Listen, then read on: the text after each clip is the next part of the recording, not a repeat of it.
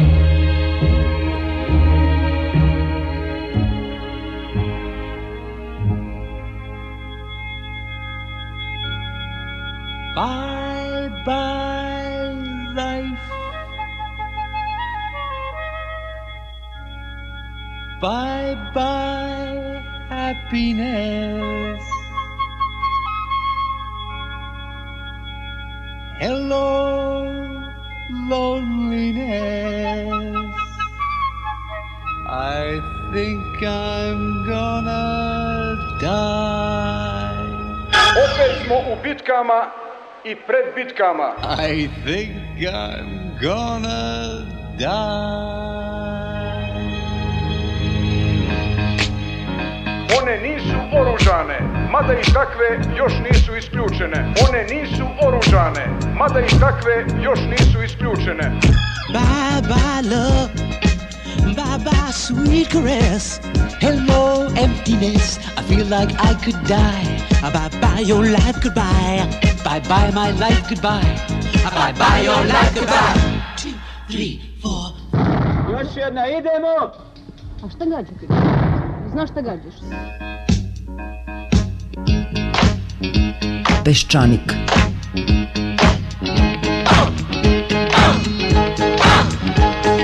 Bye bye life, bye bye happiness.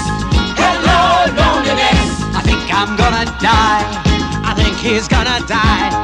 I think he's gonna die. I think I'm gonna. Morate da shvatite jedno. Ovaj narod nikad neće prihvatiti ropstvo. Vi nećete da branite Republiku Srpsku krajinu ni pola sata, a od mene tražite da odavde pošaljem decu da ginu za odbranu vaših kućnih pragova sa kojih ste pobegli glavom bez obzira. Ja sam im onda govorio, ima ona srpska poslovica, ko traži veće, izgubi iz vreće. Izgubi iz vreće, izgubi iz vreće, izgubi iz vreće.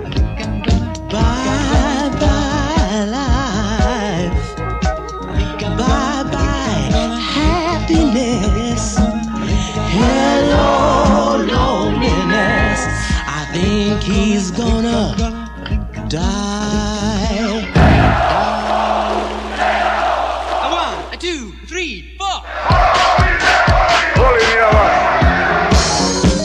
Izbeglička deca su naišla na širom otvorena sva školska vrata u Srbiji.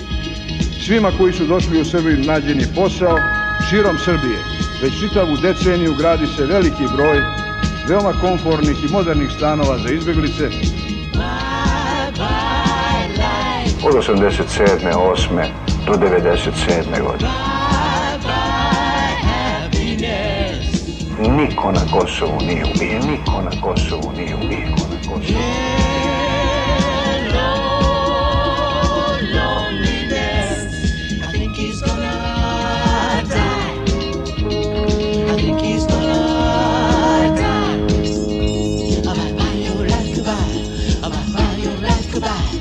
Bye bye your life goodbye. Bye bye your life goodbye. Bye bye your life goodbye. Bye bye your life goodbye. Mi smo pokazali da imamo nepobedivu vojsku, najbolju vojsku na svetu. Zato što je narod bio vojska i zato što je vojska bila narod.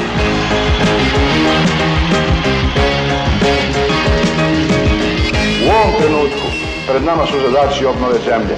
Mi ćemo odmah početi da ponovo gradimo naše mostove.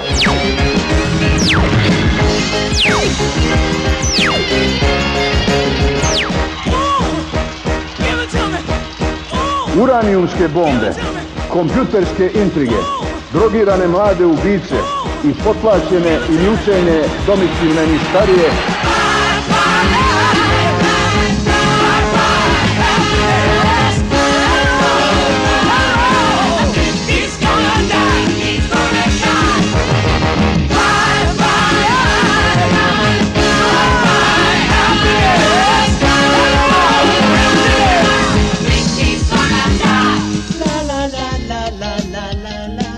sam siguran da će taj sud istorije pokazati da smo učinili u ovih deset godina u odbrani srpskih nacionalnih interesa i više nego što je to od bilo koga neko mogao očekivati. Ne može da se troši vreme, život je ograničen. Bye bye. My life. Oh, yeah. Goodbye. Kraj. Peščanik. Zbog ovog čoveka smo dobili zakon o pravima optuženog u pritvoru Međunarodnog krivičnog tribunala i članova njegove porodice. Ovim zakonom naši poslanici su prekršili sve ljudske i božije zakone, a o kršenju ljudskih zakona govorit će o današnjem peščaniku gospođa Vesna Rakić-Vodinelić, direktorka Instituta za uporedno pravo. Izgleda da smo ovim zakonom i zvanično potvrdili da je e, bit, privilegija biti haški pritvorenik. Gospođa Vesna Rakić-Vodinelić. Republika Srpska je donela jednu odluku o materijalnoj pomoći licima koje se nalaze u pritvoru, koje su optužene i članovima njihove porodice, odluku koja je daleko, daleko, tako da kažem, manje darežljiva nego što je ovaj zakon. I u toj odluci ta pomoć se pruža samo onim licima koje se dobrovoljno predaju tribunalu u Hagu. Dakle, racio legis takve odluke Republike Srpske očigledno leži u tome da podstaknu jednu dobrovoljnu predaju. Zakon e, koji je donesen juče u parlamentu Republike Srbije uopšte ne sadrži nikakvu, ne predviđa nikakvu razliku između onih koji su dobrovoljno otišli u tribunal Haški i onih koji su bili predati tamo na osnovu odluka nadležnih organa. Što se tiče članova porodice, svim članovima porodice koji su određeni ovim zakonom, priznaje se pravo na naknadu troškova prevoza i boravka u inostranstvu radi posete optuženom, To se misli, kaže se u samom zakonu, u članu 8, na stvarne troškove prevoza avionom, autobusom i slično, u visini cene prevoznih karata i ne samo to, nego aerodromskih taksi i troškova izdavanja vize. Takođe njima se isplaćuje naknada za smeštaj u visini koja se priznaje zaposlenim u državnim organima na službenom putu u inostranstvu, dakle u visini dnevnice koja se priznaje zaposlenim u državnim organima. Pravo se priznaje za najviše dva člana porodice u okviru jedne posete, a najviše za dve posete u toku jednog meseca, dakle 24 puta u toku godine, e, dok se tako pravo priznaje recimo u ovoj odluci Republike Srpske tri puta godišnje. E, u čemu se sastoje pravni problemi ovog zakona?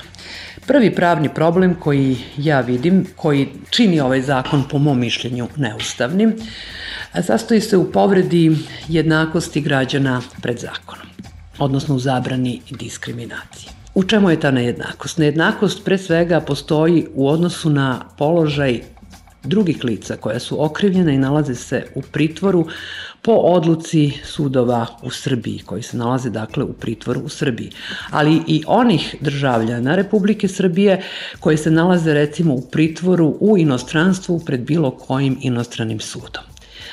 Nije jasno kakav je bio racio legi za donošenje ovog zakona, kakav je bio razlog njegovog donošenja, šta se njime htelo postići. Da li se smatra da su pritvorenici u Haškom tribunalu posebna kategorija pritvorenika pogledala sam predlog koji je upućen Skupštini Republike Srbije I u tom delu koji se odnosi na razloge za donošenje zakona stoji sledeće. Činjenica je da su naši državljani koji se nalaze u pritvoru Međunarodnog krivičnog tribunala u Hagu prepušteni da se sami brane i obezbeđuju dokaze. Za to vreme njihove porodice su primorane da se dovijaju na razne načine da bi obezbedile egzistenciju, održavale kontakte sa optuženima i pripremale odbranu, jer drugu pomoć optuženi pred Haškim tribunalom nemaju i tako dalje. Dakle, to nije legitiman racio legis jer bi se to isto moglo reći za lica koje su pritvorena po odluci domaćeg suda. Ako se htelo ovim zakonom inaugurisati neki drugi racio legis koji ovde nije izričito spomenut, ja se zaista pitam koji je to. Recimo, moguće je da je taj prikriveni racio legis bio da se privileguju lica koja su okrivljena za ratne zločine. Ma kako to absurdno zvučalo, zvučalo ali u ovoj državi ipak ništa nije suviše absurdno, onda bi takva privilegija morala biti predviđena i za one uh, okrivljene protiv kojih se vodi postupak uh, zbog ratnih zločina u našoj državi, a kao što znamo ima nekoliko i takvih. Sećite se kampanje pokreta otpora za hapšenje Miloševića pod nazivom Krivje u proleće 90, odnosno 2001. Zato što je živ, ima jedan zato što je živ, kriv. Kriv. Ima puno tih krivije, samo krivije. Da, da, krivje, krivje, krivje. Krivije što je Krivje ološ. što je ološ, da. Jedno od uobičajenih je što ga ljudi okrivljuju da je upropastio njihovu mladost. Njegova vojska uništila osnovnu školu Sonju Marinković, slomila osam prozora, uništila dve table i nanela još štete dvorištu i kompjuterima. Kriv je što je Vukovar, Sarajevo i Srebrenicu humano preselio. Zato što je Srbiju nazadio za jedno stoleće. Zato što je prodao Republiku Srpsku krajinu. I zato što je prodao Kosovo. Opljačkao je sobstveni narod, uveo je paniku, vrisku, blud, nemoral, upropastio je omladinu, studente, intelektualce, radnike, seljake, upropastio je zdravstvo, sve što je mogao da upropasti, upropastio je, pa je posle toga dobio napade poštenja. Kriv je za više od 340.000 pobijenih, više od 3 miliona raseljenih, više miliona unesrećenih, uvođenje zemlje u četiri rata, uvođenje Srbije u eru gologuzih pevaljki, raspamećivanja i naturanja kvazi nacionalizma, za održaj komunizma, za razbucavanje svih institucija države.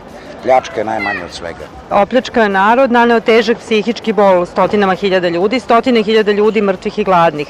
Cela nacija je unapređena u švercene, nemoralne kreature, kriminalci i ponižene bednike. Zaslužio je da visi na terazijama. Podnosim krivičnu prijavu protiv Slobodana Miloševića iz Beograda zato što je izdao narod, državu i naciju i zato što je optužio druge. Učinio je sve ono što nisu mogli Turci, za 500 godina Nemci i Šiftari. Izdao Krajinu, Bosnu, Kosovo, zato što je poraz i kapitulaciju proglasio za pobedu. Kriv je za smrt mnogih mladih ljudi, odlaska, njihovog odlaska iz zemlje, rasturanje porodice, neimaštine, bede, korupcije, apsolutne depresije svega i svačega. Uništio snove i sve čemu smo se nadali. Za svaki sekund ovih 10 godina. Zato što je osmeh nestao sa naših lica. Kriv je za svakog sina jedinca koga više nema. Kriv je za one koji su poginuli i za one koji će tek poginuti.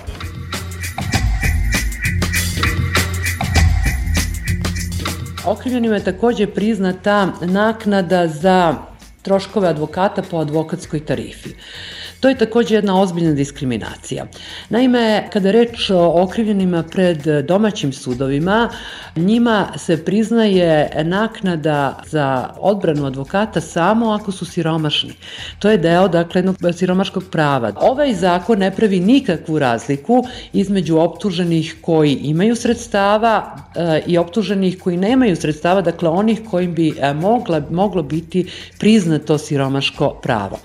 Dakle, ova država će plaćati advokate i druge savetnike, ne dakle samo advokate, nego i druge savetnike odbrane onim licima koja nisu siromašna. Naprimjer, koliko je meni poznato, bivši predsednik Milošević ima na Dedinju jednu dosta veliku i vrlo vrednu kuću. Ne vidim zašto on ne bi mogao, ako nema drugih sredstava, a ima indicija da ima i drugih sredstava, da sam sebi plaća svoju odbranu, nego ta, to plaćanje njegove odbrane treba da ide na teret poreskih obveznika koji su i ovako snosili vrlo veliki teret za vreme njegove vlasti. Članovi porodice okrivljenih pred našim sudovima nemaju nikakvo pravo na naknadu troškova prevoza i boravka kada posećuju e, svoje članove porodice koji se nalaze u pritvoru. Ovde je to pravo onako veoma ženerozno priznato, dakle čak dva puta mesečno dva člana porodice imaju pravo na avijanski prevoz koji uključuje ne samo kartu nego i aerodromsku taksu i troškove pribavljanja vize i boravak od četiri dana uz plaćanje plaćanje dnevnice koje se inače isplaćuje zaposlenim u državnim organima. Ništa od toga, apsolutno ništa od toga nije predviđeno za članove porodice okrivljenih pred e, našim sudovima. U ovom trenutku ja pripremam predlog koji će biti podnesen Ustavnom sudu Srbije za ispitivanje ustavnosti ovoga zakona. Taj predlog koji ja pripremam podneće jedno pravno lice u Srbiji koji ima pravo na podnošenje tih predloga.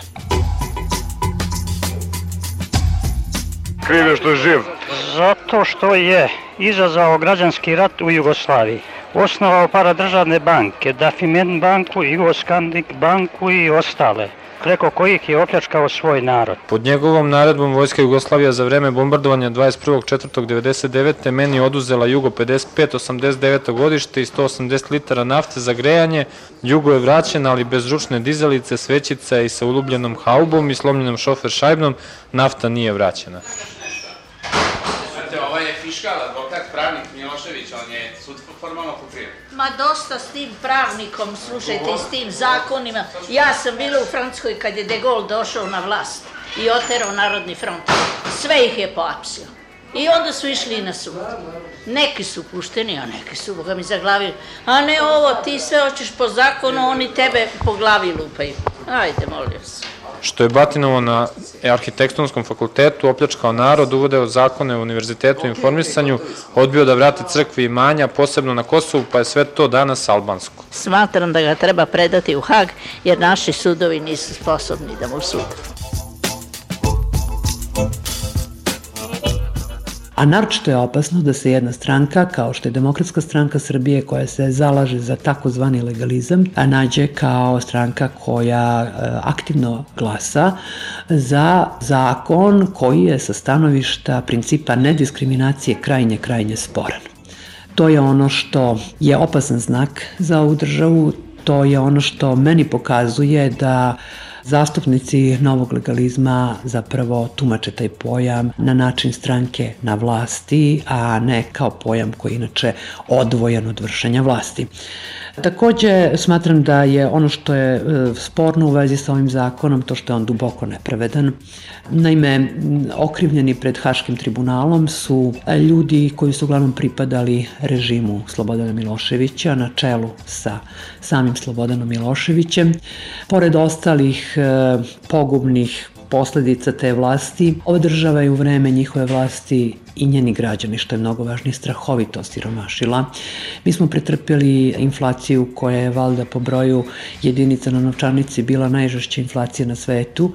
Sudeći po knjizi Mlađana Dinkića, sam režim je tu inflaciju i organizovao na način na koji je bila organizovana I zaista je vrlo nepravedno ponovo kažnjavati građane jer se sredstva izdvajaju iz budžeta, makoliko se tvrdilo da ti, odnosi nisu, da ti iznosi nisu naočito impresivni, makar i da su 0,5 dinara. Vrlo je nepravedno kažnjavati građane Srbije donošenjem jednog ovakvog zakona, dakle mi moramo iz svoga džepa da plaćamo odbranu ljudi koji su daleko, daleko bogati od prosečnog građana Srbije. To je prosto strahovito nepravedno. Treće što je sa političkog stanovišta čini mi se važno spomenuti jeste da je ovaj zakon donesen upravo na dan kada se očekivala sertifikacija pomoći Sjedinjenih američkih država. To je ili rezultat jedne strašne političke gluposti, dakle doneti takav zakon baš na taj dan, ili rezultat jedne opasne političke igre gde se zapravo želi pokazati i nagovestiti taj raskid saradnje države Srbije sa Sjedinjenim američkim državama, sa njenim državnim organima, što naravno može biti pogubno bez obzira šta mi o tim državnim organima i o politici Sjedinjenih država inače mislili.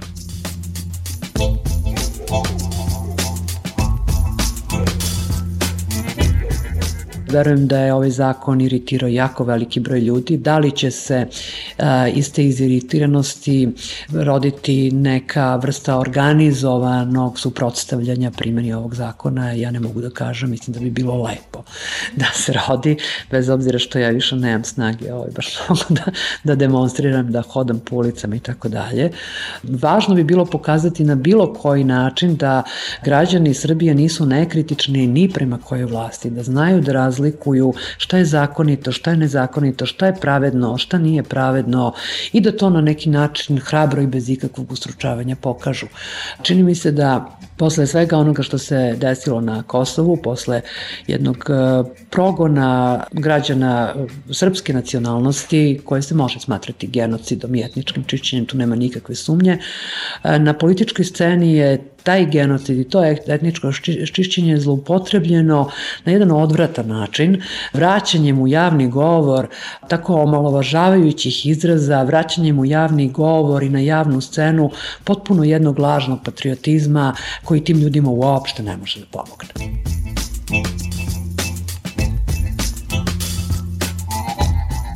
Ono zbog čega se ja baš osjećam loše, to je jedna tako očigledna mrzovolja nove vlasti, nedostatak e, bilo kakvog entuzijazma i bilo kakvog optimizma. To meni prosto kao građaninu ne prije. Ja ne volim da gledam mrzovoljne ljude, ne volim da gledam tako neke zgrčene izraze lica i zaista ne volim da slušam pakosne i zlonamerne izjave od strane ljudi koji bi da vode ovu zemlju. A kao nekakav, da kažem, osvrćeni građanina, mislim da jesam bez obzira na taj moj usko lični pristup. Osjećam se loše zato što mislim da je ova vlast počela na jedan način koji ne obećava mnogo. Prvo mislim da ima mnogo osvetničkih poteza. Mislim da je osvetničko to što se na svaki način izbjegavalo učešće demokratske stranke, čak i kad je ta stranka pokazivala volju, ali jednostavno smatralo se da ta stranka prosto politički više smrdi nego socijalistička partija Srbije i ja naravno uopšte ne mogu da smatram da je to opravdano. Takođe nekakvi kadrovski potezi meni izgledaju krajnje osvetnički. Dakle, ima mnogo poteza kadrovskih koji deluju kao neka osveta, koji su doneseni uz kršenje prava, tako da moram da kažem da početak ove vlasti ne obećava ni legalizam, ni racionalan pristup izgradnji institucija. Neke institucije će svakako tu biti izgrađene, ali ako budu izgrađene na osvetničkom, dakle iracionalnom principu, nećemo imati mnogo koristi od njih. Ja sam potpuno uverena, iako nemam nikakvih saznanja, dakle mo, mo, može mi se desiti da grešim, da je socijalistička partija Srbije tražila uh, određene, tako bih rekla, beneficije ili određene ustupke, neka postavljenja uh, određenih ljudi na čelo nekih velikih javnih preduzeća, kao što je recimo železnica, takođe potvrđuju taj utisak ako je tačno da je čovek koji je postavljen za direktora železnice nekad bio član Jula jer ostale njegove poslovne karakteristike, to da je vlasnik kafane koja ne znam kako se zove i da je bio upravnik radničke zadruge, ne opravdavaju tako visoko postavljenje. Čitajte radio na b92.net. Peščanik. Peščanik. Repriza subotom od 16 do 17.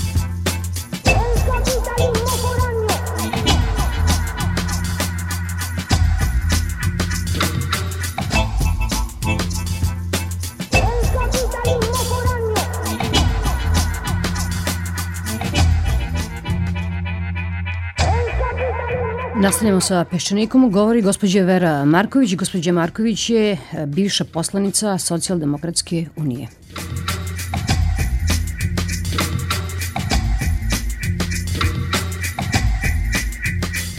E, bivša u tom smislu što je naravno više stari saziv parlamenta e, ne postoji. Imamo nove poslanike i podsjećamo da govorimo o onom sranom zakonu koji je pre neki dan usvojen u Skupštini Srbije. Kad je skupštinska većina formirana sa SPS. To je za mene bilo bolno i za mnogi građane Srbije, što nama vladajuću većinu čini i SPS. Ja sam znala da će postaviti uslove.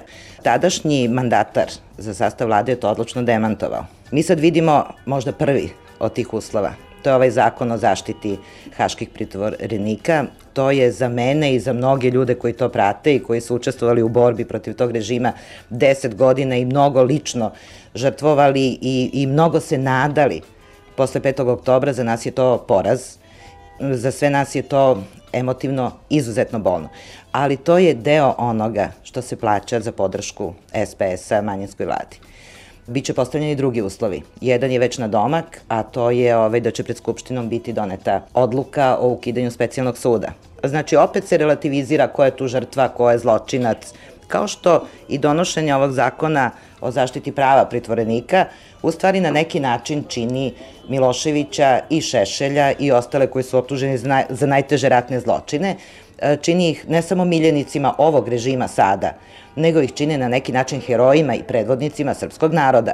Onog momenta kad je Milošević odveden u Hag i drugi optuženi za ratne zločine, nama je laknulo i počelo je da se priča o tome da je neko u naše ime nešto radio. Sad se opet ta priča poništava i govori se da je on to, da je on to činio u ime svih nas i da mi stojimo iza toga kao država i kao vlada. To je ponižavajuće.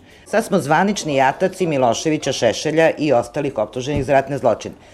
mi stajemo frontalno iza njih. Vlada nas sve stavlja iza leđa Miloševiću i Šešelju da mi branimo njihov koncept svojevrsne borbe za srpske nacionalne interese. To je za mene ogavno, to je nešto sa čim ne mogu da se pomirim, pogotovo sa onim segmentom da se to plaća mojim novcem i novcem drugih poreskih obveznika u situaciji kad nisu namirene žrtve, kad nije progovoreno na ljudski moralan način o tome šta se ovde događalo i da, da se uputi neko izvinjenje žrtvama, pa i da se obeštete.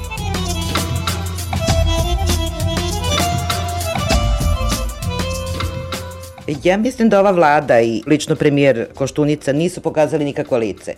Njih je izbacila na površinu i na vlast jedna tradicionalna Srbija, revanšistička Srbija, Srbija koju su bolele reforme, Srbija koja se nije snalazila u modernizaciji, to ih je izbacilo na površinu. Međutim, izbacilo ih je sasvim blizu obale. Da bi došli do obale i da bi došli na vlast, oni su morali da otvore svoje karte do kraja. Otvorili su ih onog momenta kad su uzeli SPS za koalicijalnog partnera. I onda se taj krug zatvorio. Od kako je formirana vlada mi nismo videli program. Ova vlada do sada je sprovodila samo revanšizam ili je činila ustupke onima koji su je izbacili na površinu. Dakle, donela je u, u okviru izbornog zakona jedno obećanje da će dijaspora moći da glasa. Znači, doneli su jednu odluku da pokažu da stoje uz dijasporu, a nisu doneli zakon kojim će biti omogućeno da zaista dijaspora glasa. Razumete razliku? Znači, nisu suštinski ništa promenili, nego su poslali signal, mi smo sa vama. Na isti način su reagovali, recimo, kad su se dogodili ovi užasni događaj na Kosovu. Oni su pustili da crkva vodi čitavu opravdanu reakciju oko događaja na Kosovu Oni koji su bili politički aktivni, to su bili ministri sa, Saveta ministara, ministar Svilanović i Tadić. Ono što je radila vlada Republike Srbije, to je da je išla u crkvu, da je išla u sveštena lica i da je pustila da crkva da osnovni ton. Ja nemam ništa protiv da crkva odreaguje na to i treba da odreaguje. Neka od tih reagovanja su bila izuzetno primerena i u stvari su zamenila reakciju državnih organa, recimo oko paljenja džamije. Isto tako ovaj skandal koji se dogodio juče, da je privatizacija prekinuta, da je u agenciji napravljen krš, nijedna država to ne sme da dopusti. Mi nemamo državu, to je ono što je problem, nego imamo grupu ljudi koja šalje nemušte ili polujasne signale da razume koji za nje stoji, ali ni za te ljude, ni za nas ostale ne radi ništa.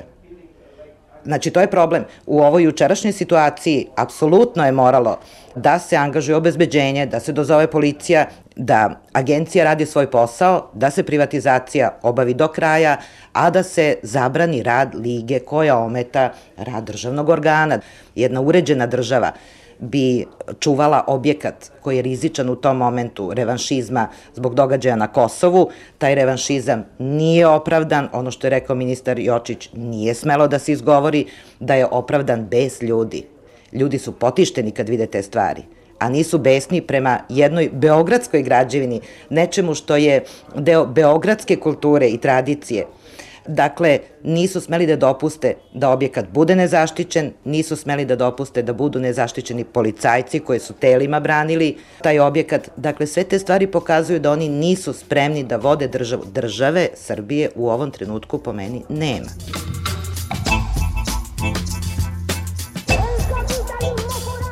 To je taj deo vladavine koji podrazumeva da se mi međusobno razumemo, da se mi razumemo sa dijasporom, da se mi razumemo sa crkvom i sa vernicima, da se mi razumemo sa demonstrantima koji su ozlojeđeni, pa da se razumemo i sa Karićem.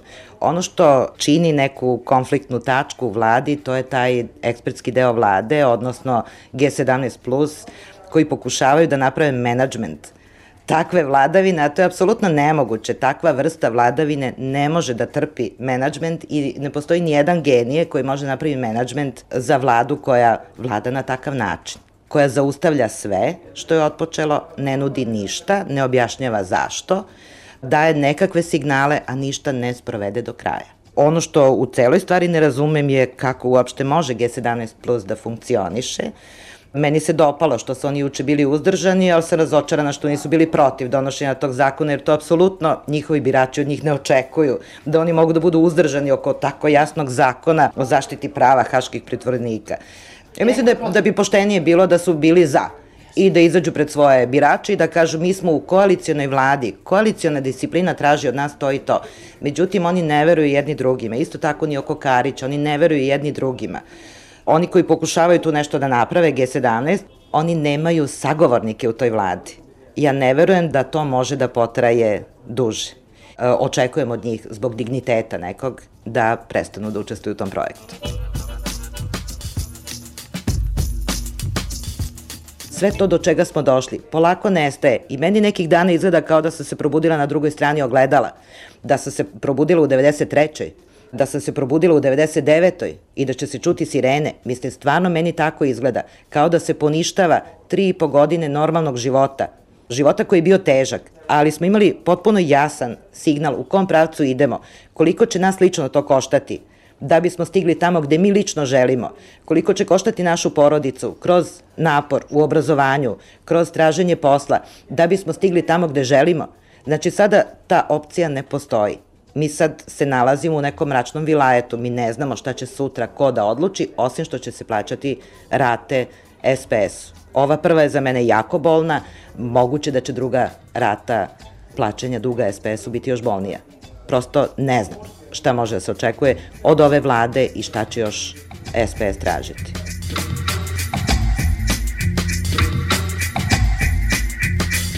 Ako izolemo ovu priču oko suđenja za atentat na premijera Đinđića i to što ste vi rekli da su oni dočekali, oni su obstruirali suđenje. Kao da su znali šta čekaju. To mi dođe kao ono što smo mislili 13. marta ili 14. marta, da li je ovo neka vrsta puča. Na kraju, u nekoj razblaženoj formi, godinu dana kasnije može se reći u stvari da u toj, u tom delu mi imamo u stvari... Da, da su ostvareni ti ciljevi koji su tada izgledali kao da stoje u vazduhu. Mi nismo znali kojim načinom će biti ostvareni ti ciljevi, ali mi sada vidimo da se oni ostvaraju. Dakle, signal koji je poslat organizovanom kriminalu, optuženima za ubistvo Đinđića, e, optuženima za ratne zločine je vrlo jasan. Mi se između sebe razumemo mi razumemo nekoga ko je počinio ratni zločin, to je za mene užasavajuće. Mi razumemo, on je to učinio braneći nas. Ja ne želim da mene neko brani ratnim zločinom ili ubistvom premijera. E, dakle, oni koji primaju taj signal, oni ga vrlo jasno prepoznaju. Oni koji su ga očekivali, i to se videlo, kako izgledaju ti postupci, oni su taj signal dobili. E, ja mislim da nam dolaze vrlo teška vremena. Posledice su vrlo opasne i vrlo dugotrajne. Ova vlada ne mora da traje dugo, ali taj e, način razmišljanja trajaće mnogo duže od ove vlade. Signal je primljen i mi ćemo sad videti na stranicama prvo ove žute štampe, onda ćemo videti jednog dana na RTS-u da se pojavljuju ti ljudi i optužuju Đinđića što je uopšte ušao u reforme, što je osakatio porodice haških pritvorenika, što je dopustio da oni nemaju od čega da žive, što Milošević nema dovoljno e, novca za odbranu. Dakle, mi ćemo e, čuti vrlo jasne i direktne optužbe na račun Đinđića ono što su u predizbornoj kampanji bile otužbe na račun demokratske stranke i DOS-a, to je bilo zbog specifične vrste uzdržanosti i pravljenja tog bloka koji će podržavati ovu novu vladu. Onog trenutka kada oni taj krug uspostave i kada se ta podrška učvrsti, mi ćemo imati vrlo direktno osporavanje i premijera Đinđića i svega onoga što je on radio.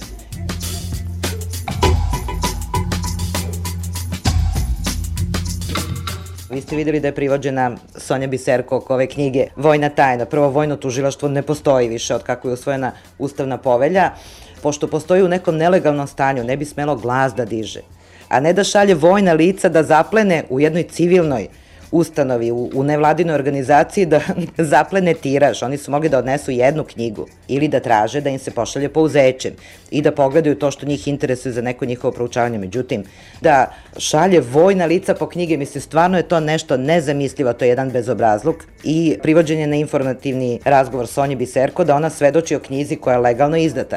Dakle, ti zapisnici su već bili objavljivani, tu ne postoji nikakva vojna tajna, tu postoje neke silne rasprave na tim sednicama o Pavkovićevim stanovima, što je nam i postoje vrlo ozbiljne stvari o zloupotrebi vojne bezbednostne službe za političke i civilne ciljeve. Dakle, za praćenje, prisluškivanje tadašnjih lidera DOS-a.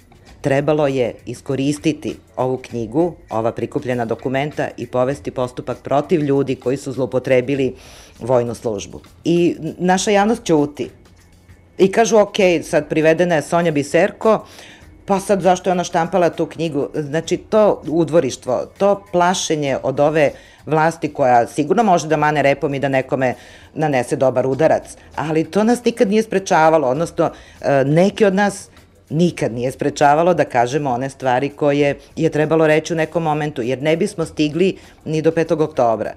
E sad, svako lično mora da proceni koja je to tačka. Za mene je ta tačka već tu.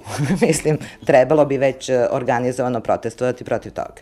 Naravno, zakon je već donet i automatski će biti iz poreza prebacivano u budžet i trošeno za Miloševića, za njegovu suprugu i sina, koji su inače ovde pod istragom i koji su u bekstvu mislim, znači onako potpuno najužasnije nešto.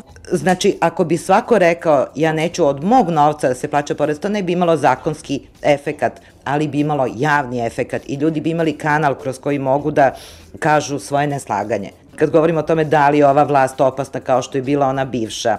E, na neki način je pod većom paskom međunarodne javnosti i na neke poteze sigurno ne bi bila spremna koliko je bio spreman Milošević kad je rešio da ide u potpunu izolaciju i da ide u potpuno sukobljavanje sa međunarodnom zajednicom. Ja ne verujem da je ova vlada na to spremna. Ona igra igru niskog intenziteta gde opet ne kažem da neće neko dobiti bombu ispod kola kao što je dobio B92. Nije dobio od ove vlasti, dobio od onih krugova koji su dobili signal da se vraćamo na staro i da B92 postaje izdajnička stanica, kao što je onaj čovek u ostalom i rekao. Znači, ljudi te signale prelamaju u svojoj glavi na vrlo različit način. A mi kao, recimo, neki ljudi koji se ne slažu sa tim, morali bi isto tako da reagujemo. Ali mislim da biti pasivan, pošto smo već videli jedan put kako se takvi projekti završavaju, da je to pogubno za svakog od nas lično. A naravno za državu je katastrofa.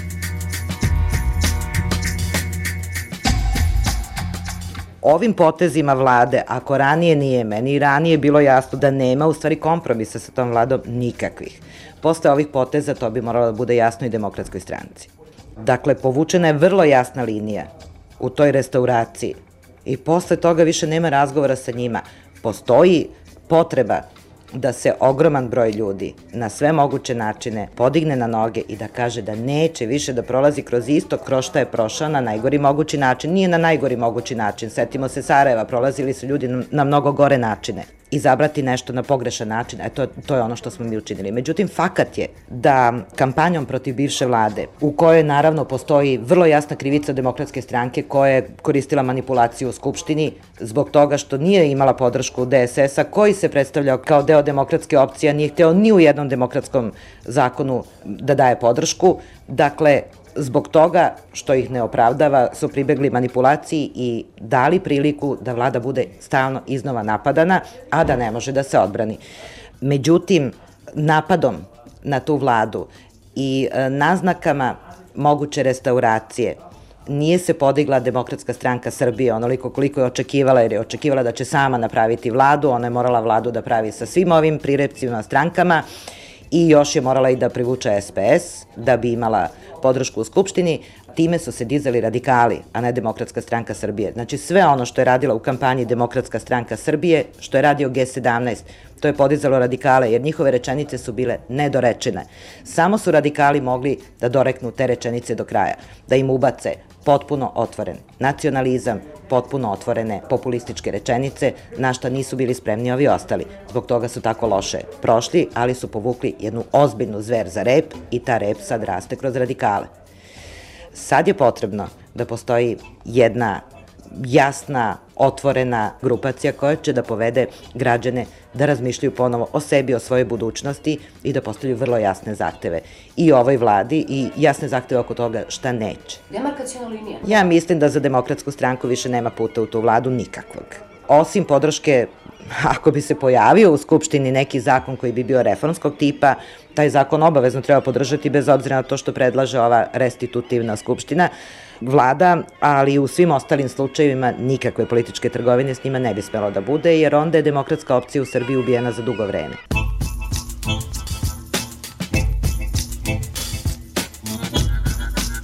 Slušate novinara Teofila Pančića.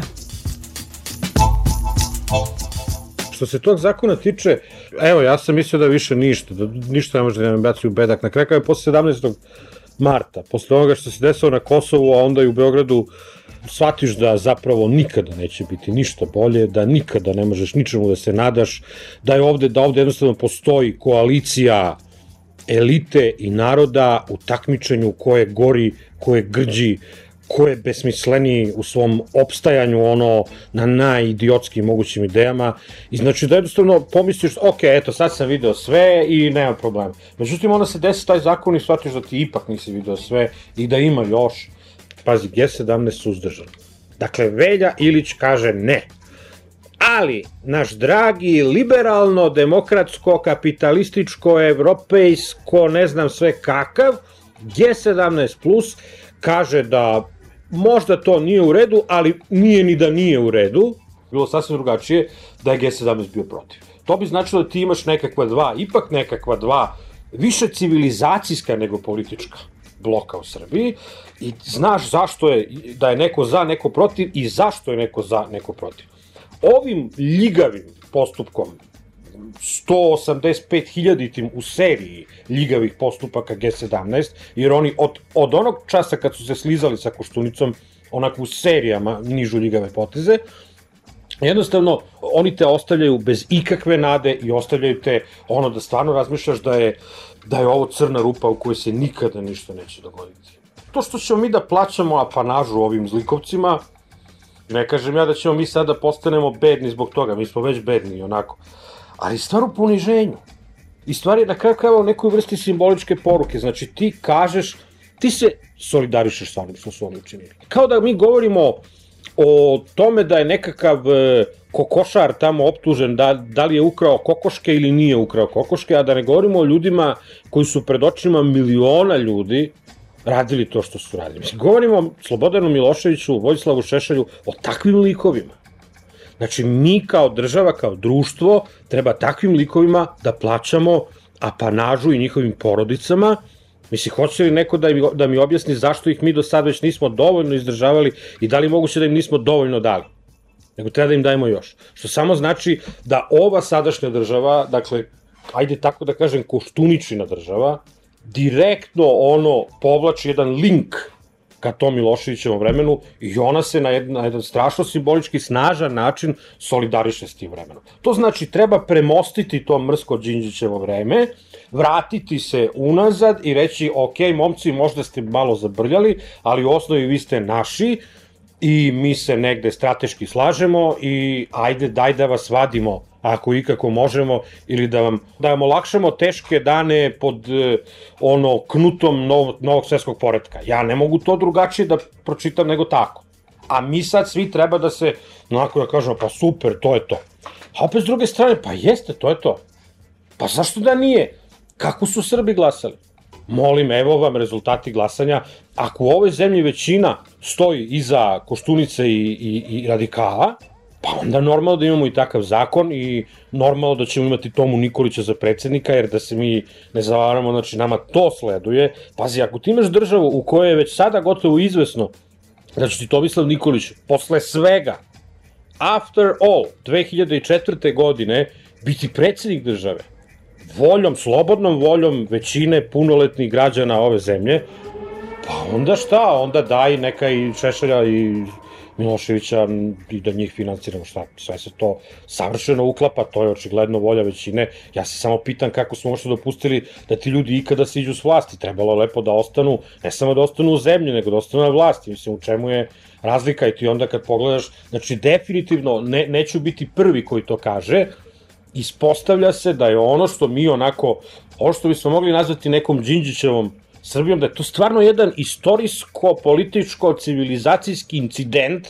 za koji ne znamo kako smo dopustili da nam se dogodio, ali smo se umeđu vremenu osvestili i sad ćemo lepo da se vratimo korenima i starim dobrim izvorima i bit će sve kao što je bilo. Jedino što, eto, pošto su prilike malo drugačije, sad ćemo stvari malo više da radimo u rukavicama nego što je to bilo 90-ih, ali u osnovi to je to.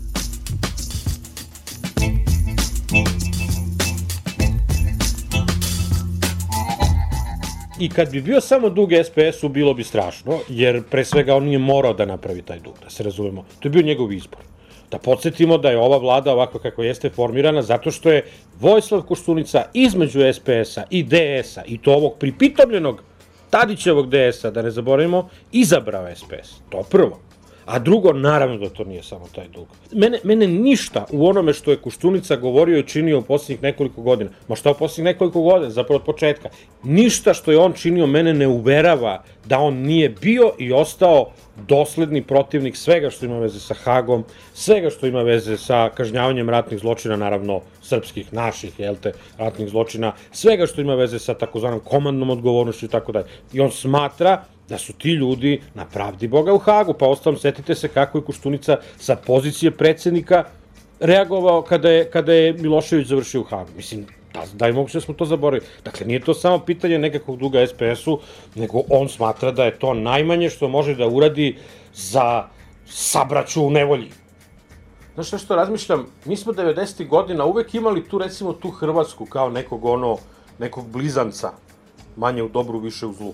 Mi smo imali Miloševića, oni su imali Tuđmana, mi smo imali svoje ludake, oni su imali svoje. Stalno smo se nešto upoređivali, pomalo i, se i tešili kao, pa dobro, nismo samo mi na ovom svetu u govnima i nismo samo mi poludeli, ima još neko. Pa onda imaš 2000 tu, pa se menja jedna vlast, pa se menja druga vlast. Odjednom, ti sad lepo vidiš kako Hrvatska onako ono otperijala napred, ali otperijala. A mi smo se onako zaglibili u nekom potpunom, ono, u nekom totalnom besmislu. Dakle, oni sad imaju, njima, njima sad Kajla Del Ponte liferuje optužnice, bogati da vidiš, svi odlaze ono u roku od 24 sata, eto, Markača, Čermaka, ovo, ono, idu kao lepe tetke u Hagma, niko ih ništa ne pita, pusti Sanadera, pusti priče o patriotizmu, i ti lepo vidiš kako smo mi ostali potpuno sami. Mi i kosovski Albanci smo ono dva jedina prokleta entiteta na, u najmanju ruku na evropskom tlu koji apsolutno više nikakve veze s mozgom i s pameću nema. Mi nemamo više ni sa kim da se poredimo. Ti vidiš jednostavno jednu potpuno razularenu državu, bez institucija, bez ljudi, bez pameti, bez nečega. Da, znaš ti, ovo, ovo je vreme potpuno onako slobodnog preduzetništva za ludake. Danas jednostavno poslednji moron u ovom gradu i ovoj zemlji osjeća se pozvanim da ti bilo šta dobaci, da nasrne na tebe, da ti uradi bilo šta. Jer ovo je vreme u kojem oni kapiraju da imaju jednu vrstu prećutne podrške od ozgo. Da njima niko ništa neće da uradi. Da ovde može bilo šta da se uradi samo ako ime patriotizma, ako ime nacije, ako ime vere, ime ne znam čega, sve može. Njima je jasna poruka poslata i sa onim što se desilo pred džamijom i tako dalje, Da, mislim, nema frke, ono, lov je ono, otvoren, slobodan, mislim, sve je super i nema problema. I ti jednostavno vidiš da ovde nema, ti imaš jednu političku elitu koja nema nikakve hrabrosti, da ništa uradi, koja, koja ide niz dlaku svakoj budalaštini, koja, evo, pogledaj samo šta se desilo od 17. Eh, od 17. marta do danas. Slušaš Koštunicu, slušaš Čovića, slušaš Tadića, slušaš pa možda i Svilanovića. Mislim, ti ne možeš da prepoznaš razliku, tu nema razlike u diskursu, tu nema razlike u pristupu. Mi smo ostali bez opozicije. Ovo je zemlja bez opozicije, ovo je zemlja bez uh, slobodnih medija. Ti imaš neki minimum nekih drugačijih glasova u još ponekom mediju i to se onako tretira kao otpike grupa ludaka, koju donekle tolerišemo samo zato što smo bezobalno dobri po prirodi, inače ne bismo. Mislim, to, to, to su pike svelo na to. A iza svega toga stoji što je najgore, stoji jedna fundamentalna neiskrenost. Neiskrenost prema sebi. Jer u Srbiji ne postoji čovek. Ja, ja stvarno verujem da u Srbiji, celoj Srbiji, ne možeš naći čoveka koji onako intimno ne zna da su sve te priče budalaštine. I onaj koji priča te priče zna da su budalaste, i onaj koji sluša te priče zna da su budalaste, ali obojca čvrsto insistiraju na tome da ta priča mora da bude samo takva i nikako drugačija. Ne damo Kosovo, Kosovo je srce Srbije, a zapravo iza toga ne stoji ništa. Nema, čak nema ni nekog ono iskrenog nekog, ne znam, nacionalističko-ratnog zanosa. I svi onako kolektivno pričamo budalaštine ali niko neće da kaže, ljudi, dajte bre, dosta, pa nema ništa od toga, mi, mi ne verujemo ono što pričamo. Ode Hrvatska, ode Bosna, svi odoše. Ostala je ta Srbija, ostali su kosovski Albanci, a pritom smo mi još u goroj poziciji, jer smo pri tome ono totalni luzeri, a još se pravimo da nam je stalo do nečega, do čega nam zapravo nije stalo, ali ne smemo to da priznamo jer smatramo da je prva stvar naše, ne znam čega našeg, i ako bismo mi rekli ono što svi znaju, onda bi se desilo nešto strašno. Otprilike kao u tom Bunjuelovom filmu Anđeo uništenja, u kojem ne mogu da pređu, ono, ljudi sede u jednoj sobi i niko ne može da pređe jednu zamišljenu crtu i da, da izađe u drugu sobu. Ono, jednostavno, kad dođu, do, kao da neki nevidljivi zid, da, da se pred njima stvori i on sloši im se i ne može niko da pređe. Mi smo otprilike u tom neko, ja, ja to gledam kao tako neko stanje. Mi smo pričali, čini mi se, oko nove godine, o tome i mislim da je sve što se desilo posle toga se negde, negde potvrđuje tu, tu priču, da je vlast koju smo imali za vreme DOS-a, u sve njene mane, da je to bila vlast koja je bila bolja od ove zemlje, ako uzmeš neki prosek. E, sad mi imamo vlast koja u potpunosti odgovara tom nekom prosečnom, ono, sociokulturo, psihogramu, to nekog, ono, prosečnog e, srpskog glasača. I jao nama.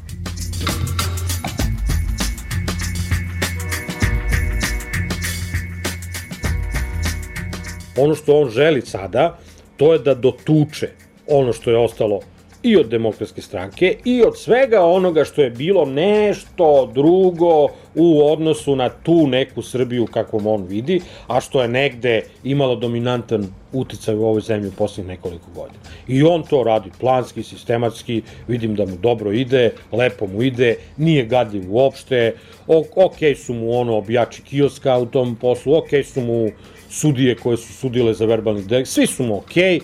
pa bože moj, mislim šta, Legija više, znači, nije tražen, utvrdili smo da ga nema, pa molim lepo, razgovaramo o tome hoće li biti ukinuto specijalno tužilaštvo, specijalni sud. Znači, daj da mi celu tu priču onako lagano pometemo po tepih. Tako da, eto, ja mislim da to sve. Ne, nemaju oni tu ništa drugo, osim, eto, samo da, da vide kako je najzgodniji način da se to uradi, da se maksimalno poravna teren. Jednostavno, ajde, vidjet ćemo, na primjer, za godinu dana ja verujem da više neću, niko se neće sećati ko su ti ljudi.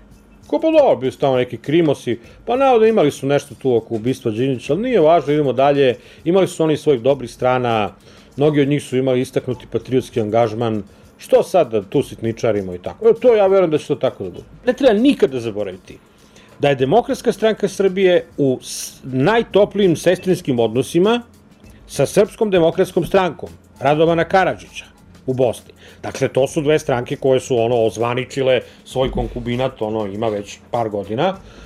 U toj činjenici leži cela njegova politička filozofija. Ta politička filozofija to, tokom 90. godina je otprilike ta. Ako ako kritikujem Miloševića, kritikujem ga zato što nije dovoljno patriota. Nije dovoljno ratovao, nije dovoljno uradio za, za našu napaćenu braću preko Drine, uvem blokadu, ne znam, uradio ovo, ono. To je ceo antimiloševićevski diskurs Vojislava Koštunica i DSS-a u 90. godinama staje u to. Dakle, šta on sad želi? On želi naprosto da dokaže Urbije Torbi da se 90. godina ništa strašno nije desilo, ili bar ništa strašno sa ove strane. On traži svaki mogući način na koji će se ta njegova vizija nekako potvrditi. Naravno da on u tome neće uspeti jer, jer je to nemoguće. Ali ćemo mi kao društvo izgubiti još ne znam koliko vremena i svega drugoga na isterivanje fiks ideja ljudi kao što, kao što je Vojislav Koštunica. U toj koštuničnoj logici većina glasača u ovoj zemlji prepozna i vlastito uverenje. I ti kad sve to sad onako sabereš, ti možeš da kažeš da sve ono što su, ne znam, politika ili večernje novosti, pisale 91. i 92. godine, sve to je zapravo, kao pogled na ratove i sve ostalo, dan danas 2004. vladajuća ideologija ovoj zemlji, mi smo i dalje zemlja koja je mentalno oblikovana na obrasu odjeka i reagovanja. Ceo naš problem sa tim ratovanjima je bio što se ratovalo pod petokrakom, a nije se ratovalo pod kokardom ili već ne znam pod čime. Pa mogli su oni da stave i znak NATO-a na kape. Mislim, nikakve razlike tu ne bi bilo, jer misli ga ti bombarduješ Sarajevo, pa ti ga bombarduješ, pa možeš ti da staviš na kapu šta hoćeš.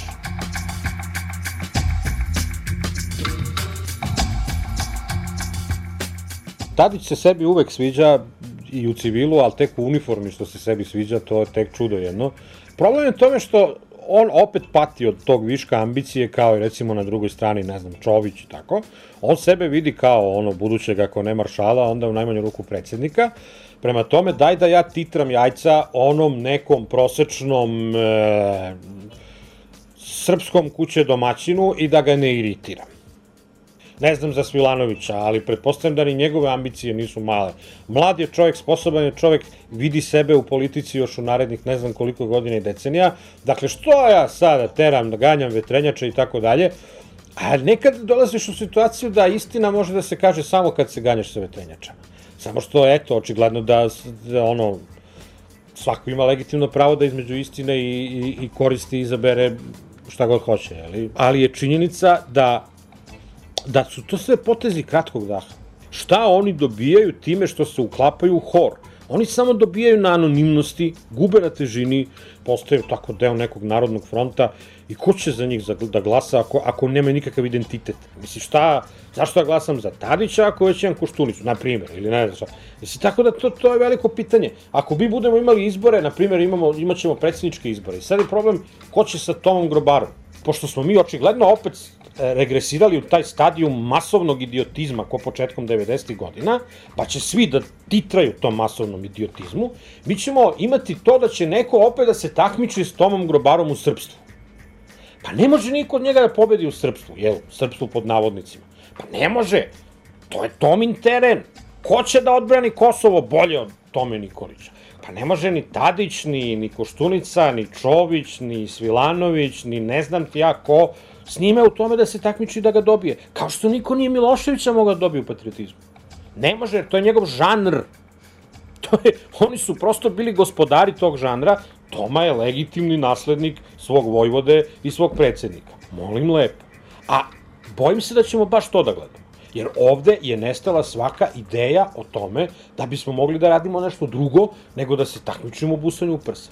Preki dan slušam neku, neko istraživanje ove novosadske agencije SKAN i vršili su neko ispitivanje među novosađanima o političkim stavovima i sad kaže ova šefica agencije da e, sadašnji rezultati najviše podsjećaju na rezultate iz marta 99. godine. Dakle, iz trenutka početka bombardovanja, kad je, kad mislim, ono, narod bio, ono, razumljivo, histeričan. Pazi, ako mi sada imamo to, znači šta smo mi ovih pet godina zapravo radili? Ako se mi sad vraćamo na taj trenutak. Znači da je neko proizvodio takvu atmosferu da to bude moguće.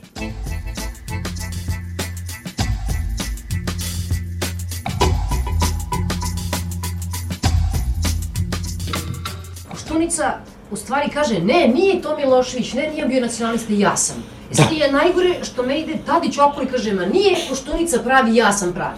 To je kao ovaj, Koštunica nacionalista Pentium 2, a ja sam nacionalista Pentium 3 kupite mene, ja sam updateovani patriota, jeli? Onda će naravno se pojavi neki koji je Pentium 4 i tako. Mislim, da, to je to, to je to. Oni, oni ne mogu da izađu iz tog žanra, oni su upali u to. Na kraju sve ovo što se dešava je i dalje iskijavanje posledica Đinićevog ubistva sa tim 12. martom je nešto fundamentalno u ovoj zemlji prekinuto i fundamentalno je krenulo na gore. Ovo ne govorim da da pravi nekakav kult ličnosti, sad ne znam, umro jedan čovek, ubijen jedan čovek, pa sad je propao svet.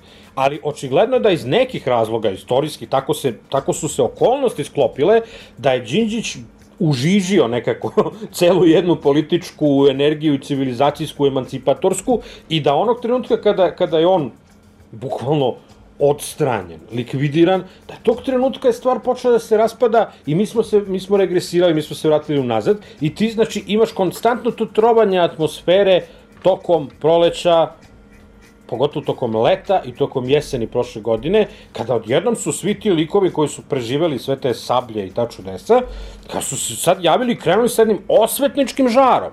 Rezultat toga logičan, imaš Tomu Nikolića kao para pobednika predsjedničkih izbora, posle toga imaš radikale kao solo pobednike parlamentarnih izbora, DSS kao broj 2.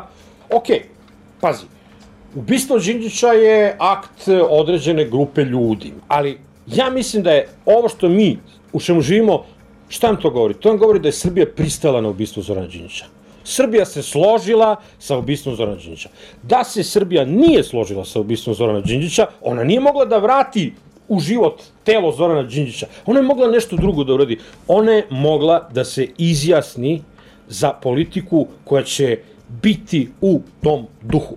Ne, umesto toga Srbija se, kao što pokazuju rezultati svih tih izbora, kao što pokazuje ko nama vlada, ko nama drži medije, Srbija je rekla, ok, mislim, eto, nije to bilo lepo što su to uradili, ali u osnovi, da, idemo, koga šiša, hoćemo sad da živimo kao što smo živeli u zlatno vreme dok su ova dvojica haških nesoja nam bili bogi batili. Znači, to, to, je, to je to. Fundamentalni pristanak na posledice jednog ubistva. A kad imaš jedno političko ubistvo, politička ubistva se ne rade zato da bi neki čovek e, prestao da telesno funkcioniše, nego se politička ubistva rade zato da bi se promenila politika jedne zemlje.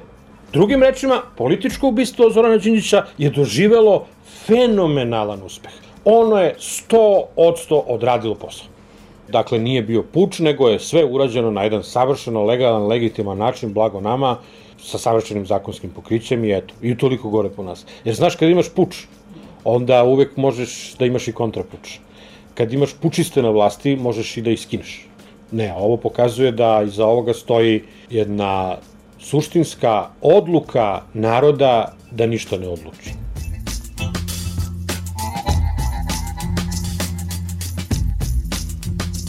Ja mogu sad da ti kažem da sam ja rezigniran totalno. Nikad nisam bio u ovakvom stanju. Ono, mislim, meni se čini da stvarno, mislim, sve sam to izgurao, izdurao i Miloševića, i Šešelja, i ratove, i bombardovanja, čudesa svakakva, sve to nekako, imao si osjećaj da je to, da, da je to nešto čemu ima kraj.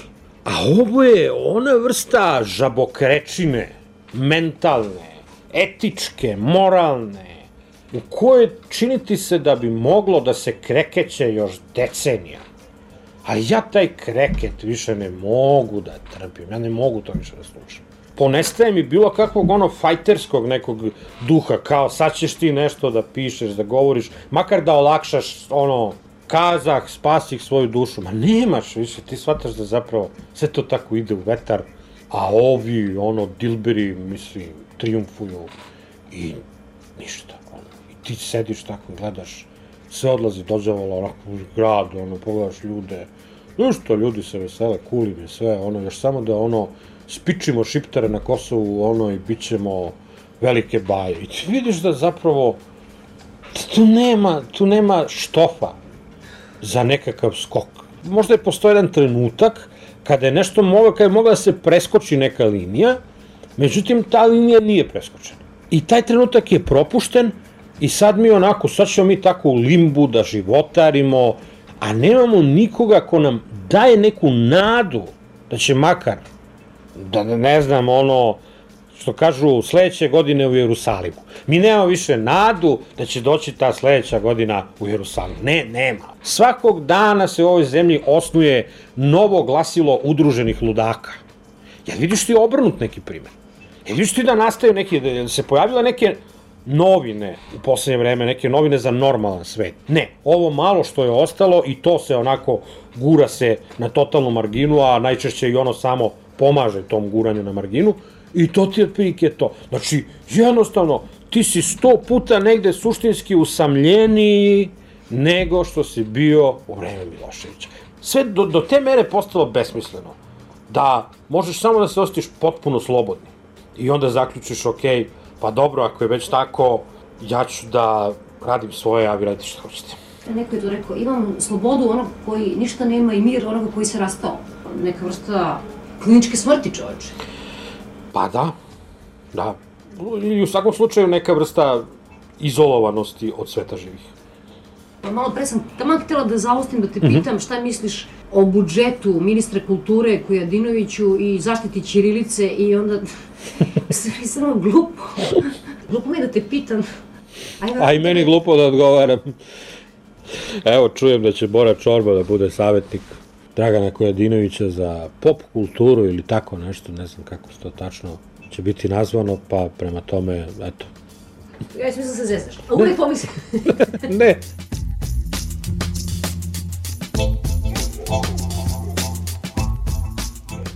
Glinu jednu, truta jednog, stenu jednu da pomerimo sa našeg puta.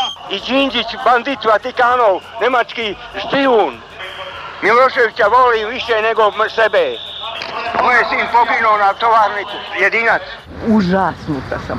Ja imam takav neki osjećaj nabijenog gneva, ali neke nemoći. Da apsolutno ništa ne mogu da uradim. Moja su deca obojena otišla iz zemlje. Meni je strašno, jer sam se nadala da će se oni vratiti zbog toga što sam mislila bit će bolje. I mislila sam se vratit će se. Stalno čekam da bude bolje, a vidim da je sve gore.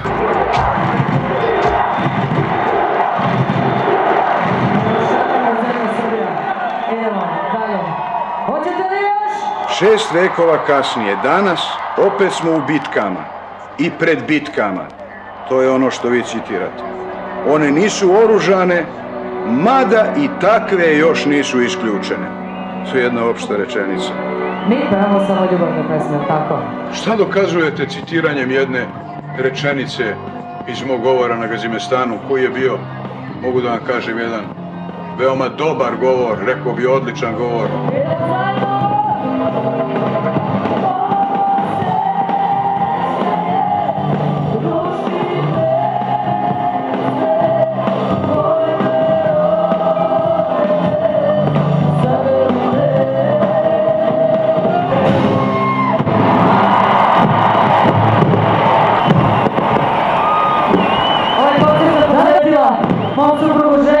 Pa pička mu materina, ovo je rat. Ovde se gađa minama, ovde se gine i umire. Ali vi ginete i umirete za Srbiju i za otačbinu. Hvala što ste došli. Prvo sam večera za našu lepu zemlju Srbiju. Hvala vam puno. Ja zahtevam da me pustite na slobodu. Zahtevam da me pustite na slobodu jer je valjda i vama i celom svetu jasno da iz ove bitke koja se vodi protiv moje zemlje i mog naroda ja neću da pobegnem. Molim vas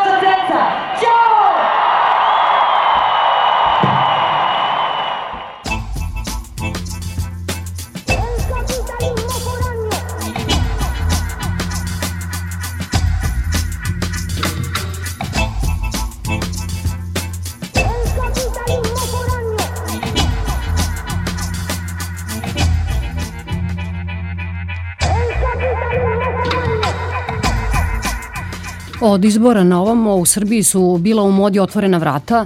Vratari su bili ljudi iz G17+, kao držali su nogu u vratima vlade, ne bili carenik srpstva, poštenje legalizma, smekšao srce i pustio demokratsku stranku.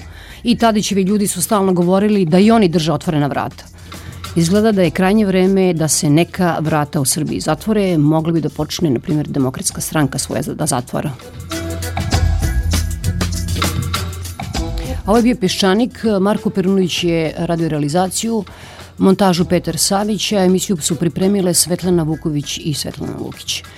Da podsjetim, u emisiji Peščanik govorili su dr. Vesna Rakić-Vodinelić, gospođa Vera Marković i Teofil Pančić.